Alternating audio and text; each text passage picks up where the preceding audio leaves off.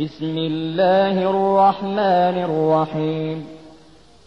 قل أوحي إلي أنه استمع نفر من الجن فقالوا إنا سمعنا قرآنا عجبا. يهدي إلى الرشد فآمنا به ولن نشرك بربنا أحدا. وأنه تعالى جد ربنا ما اتخذ صاحبة ولا ولدا وأنه كان يقول سفيهنا على الله شططا وأنا ظننا أن لن تقول الإنس والجن على الله كذبا وأنه كان رجال من الإنس يعوذون برجال من الجن فزادوهم رهقا అనంత కరుణామయుడు అపార కృపాశీలుడు అయిన అల్లాహ్ పేరుతో ప్రారంభిస్తున్నాను ఓ ప్రవక్త జిన్నాతుల సమూహం ఒకటి శ్రద్ధగా విని ఆ తరువాత తన జాతి ప్రజల వద్దకు పోయి ఇలా అన్నట్లు నాకు వహీ ద్వారా తెలియజేయబడిందని చెప్పు. మేము ఒక అద్భుతమైన హురఆనును విన్నాము. అది సన్మార్గం వైపునకు దారి చూపుతుంది. కనుక మేము దానిని విశ్వసించాము. ఇక ఎన్నడూ మేము మా ప్రభువునకు భాగస్వాములుగా మరెవ్వరినీ చేయం ఇంకా ఇలా అన్నారు. మా ప్రభువు వైభవం చాలా గొప్పది ఘనమైనది. ఆయన ఎవరినీ భార్యగా గాని కుమారునిగా గాని చేసుకోలేదు. ఇంకా ఇలా అన్నారు. మనలోని అవివేకులు కొందరు అల్లా విషయములో ఎన్నో సత్యవిరుద్ధమైన విషయాలు పలుకుతున్నారు. ఇంకా ఇలా అన్నారు. మానవులు జిన్నాతులు దేవుని గురించి ఎన్నడూ అబద్ధం పలుకరని మేము భావించాము ఇంకా ఇలా అన్నారు మానవులలో కొందరు జిన్నాతులలోని కొందరిని శరణు వేడుతుండేవారు ఈ విధంగా వారు జిన్నాతుల గర్వాన్ని మరింత అధికం చేశారు وأنهم ظنوا كما ظننتم أن لن يبعث الله أحدا وأنا لمسنا السماء فوجدناها ملئت حرسا شديدا وشهبا وأنا كنا نقعد منها مقاعد للسمع فمن يستمع الآن يجد له شهابا رصدا وأنا لا ندري أشر أريد بمن في الأرض أم أراد بهم ربهم رشدا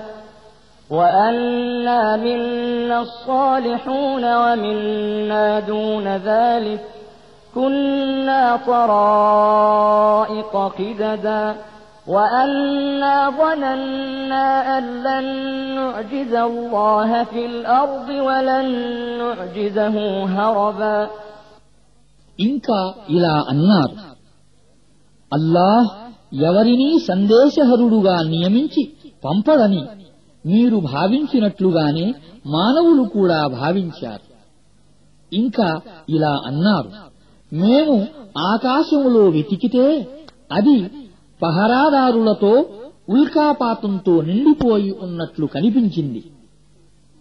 ఇంకా ఇలా అన్నారు మొదట్లో మేము దొంగతనంగా వినటానికి పోయినప్పుడు ఆకాశంలో మాకు కూర్చోవటానికి స్థలం దొరికేది. కాని ఇప్పుడు ఎవడైనా దొంగతనంగా వినే ప్రయత్నం చేస్తే అతడి కొరకు ఒక అగ్ని జ్వాల మాటు కాసి ఉంటుంది. ఇంకా ఇలా అన్నారు. భూలోకవాసులకేదైనా కీడు చెయ్యాలనే నిర్ణయం జరిగిందా? లేక వారి ప్రభువు వారికి సన్మార్గం చూపగోరుతున్నాడా? అనే విషయం మాకు అర్థమయ్యేది కాదు. ఇంకా ఇలా అన్నారు. మనలో కొందరు సజ్జనులు ఉన్నారు. మరికొందరు దీనికి భిన్నంగా ఉన్నారు. మనం విభిన్న పద్ధతులలో విభజింపబడి ఉన్నాము ఇంకా ఇలా అన్నారు అల్లాను మనం భూమిపై కూడా అసక్తునిగా చేయలేము తప్పించుకొని పారిపోయి ఆయనను ఓడించలేము అని మేము భావించేవారము وأنا لما سمعنا الهدى آمنا به فمن يؤمن بربه فلا يخاف بخسا ولا رهقا. وأنا منا المسلمون ومنا القاسطون. فمن أسلم فأولئك تحروا رشدا.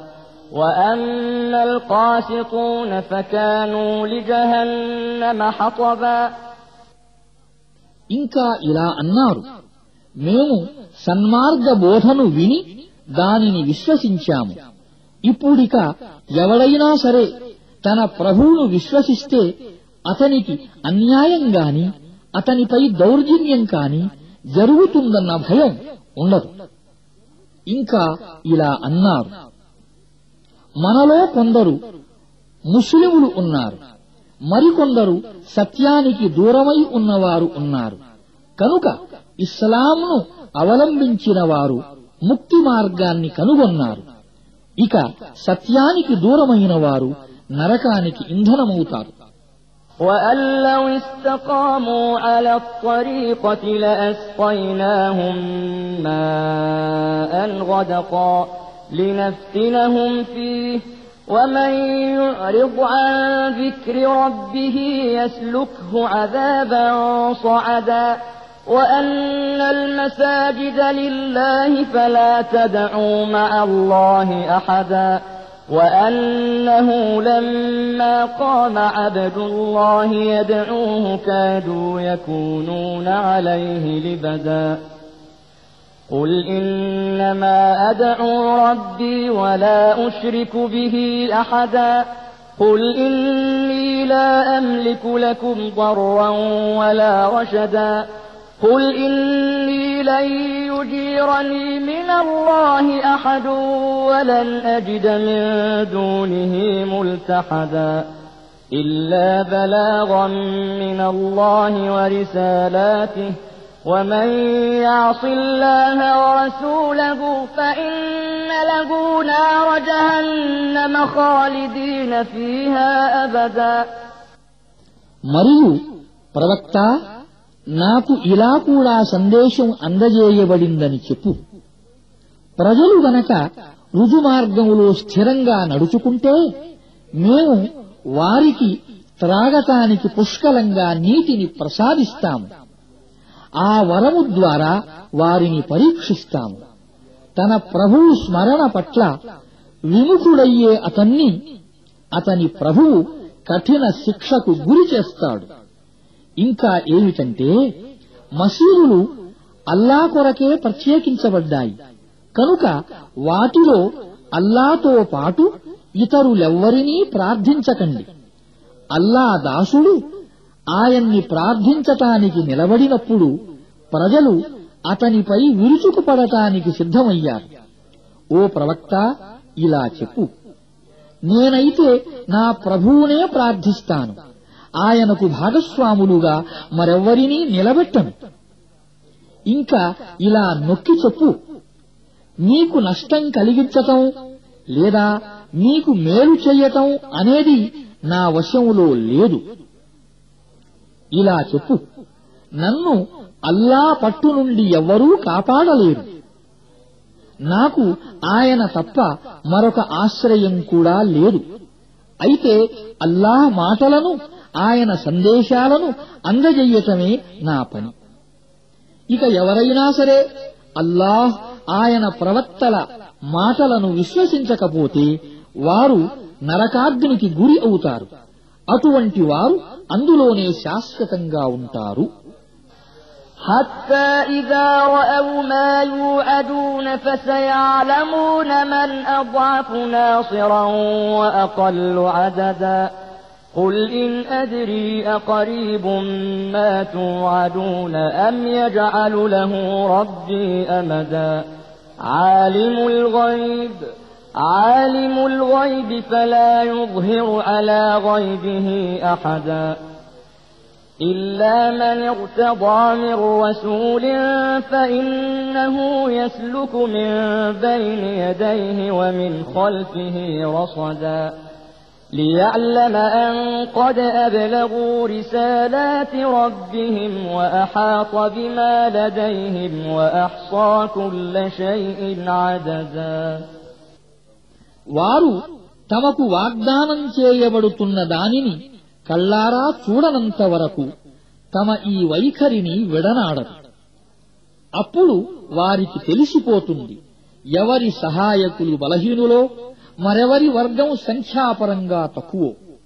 ఇలా చెప్పు మీకు వాగ్దానం చేయబడుతున్న విషయం సమీపంలోనే ఉందో లేక నా ప్రభు దానికోసం ఏదైనా దీర్ఘకాలిక వ్యవధి నిర్ణయించాడో నాకైతే తెలియదు. ఆయన అతీంద్రియ జ్ఞానం కలవాడు. తన అతీంద్రియ విషయాలను తాను ఎంచుకున్న ప్రవక్తకు తప్ప మరెవ్వరికీ తెలియజేయడు. అయితే ఆయన ఆ ప్రవక్తకు ముందు వెనుక రక్షక భటులను నియమిస్తాడు. ఎందుకంటే వారు తమ ప్రభువు సందేశాలను యథాతథంగా అందజేసిన విషయాన్ని ఆయన తెలుసుకోవడానికి. ఆయన వారి పరిసరాలు అన్నింటినీ పరివేష్టించి ఉన్నాడు. ఆయన ఒక్కొక్క విషయాన్ని లెక్కపెట్టి ఉంచాడు.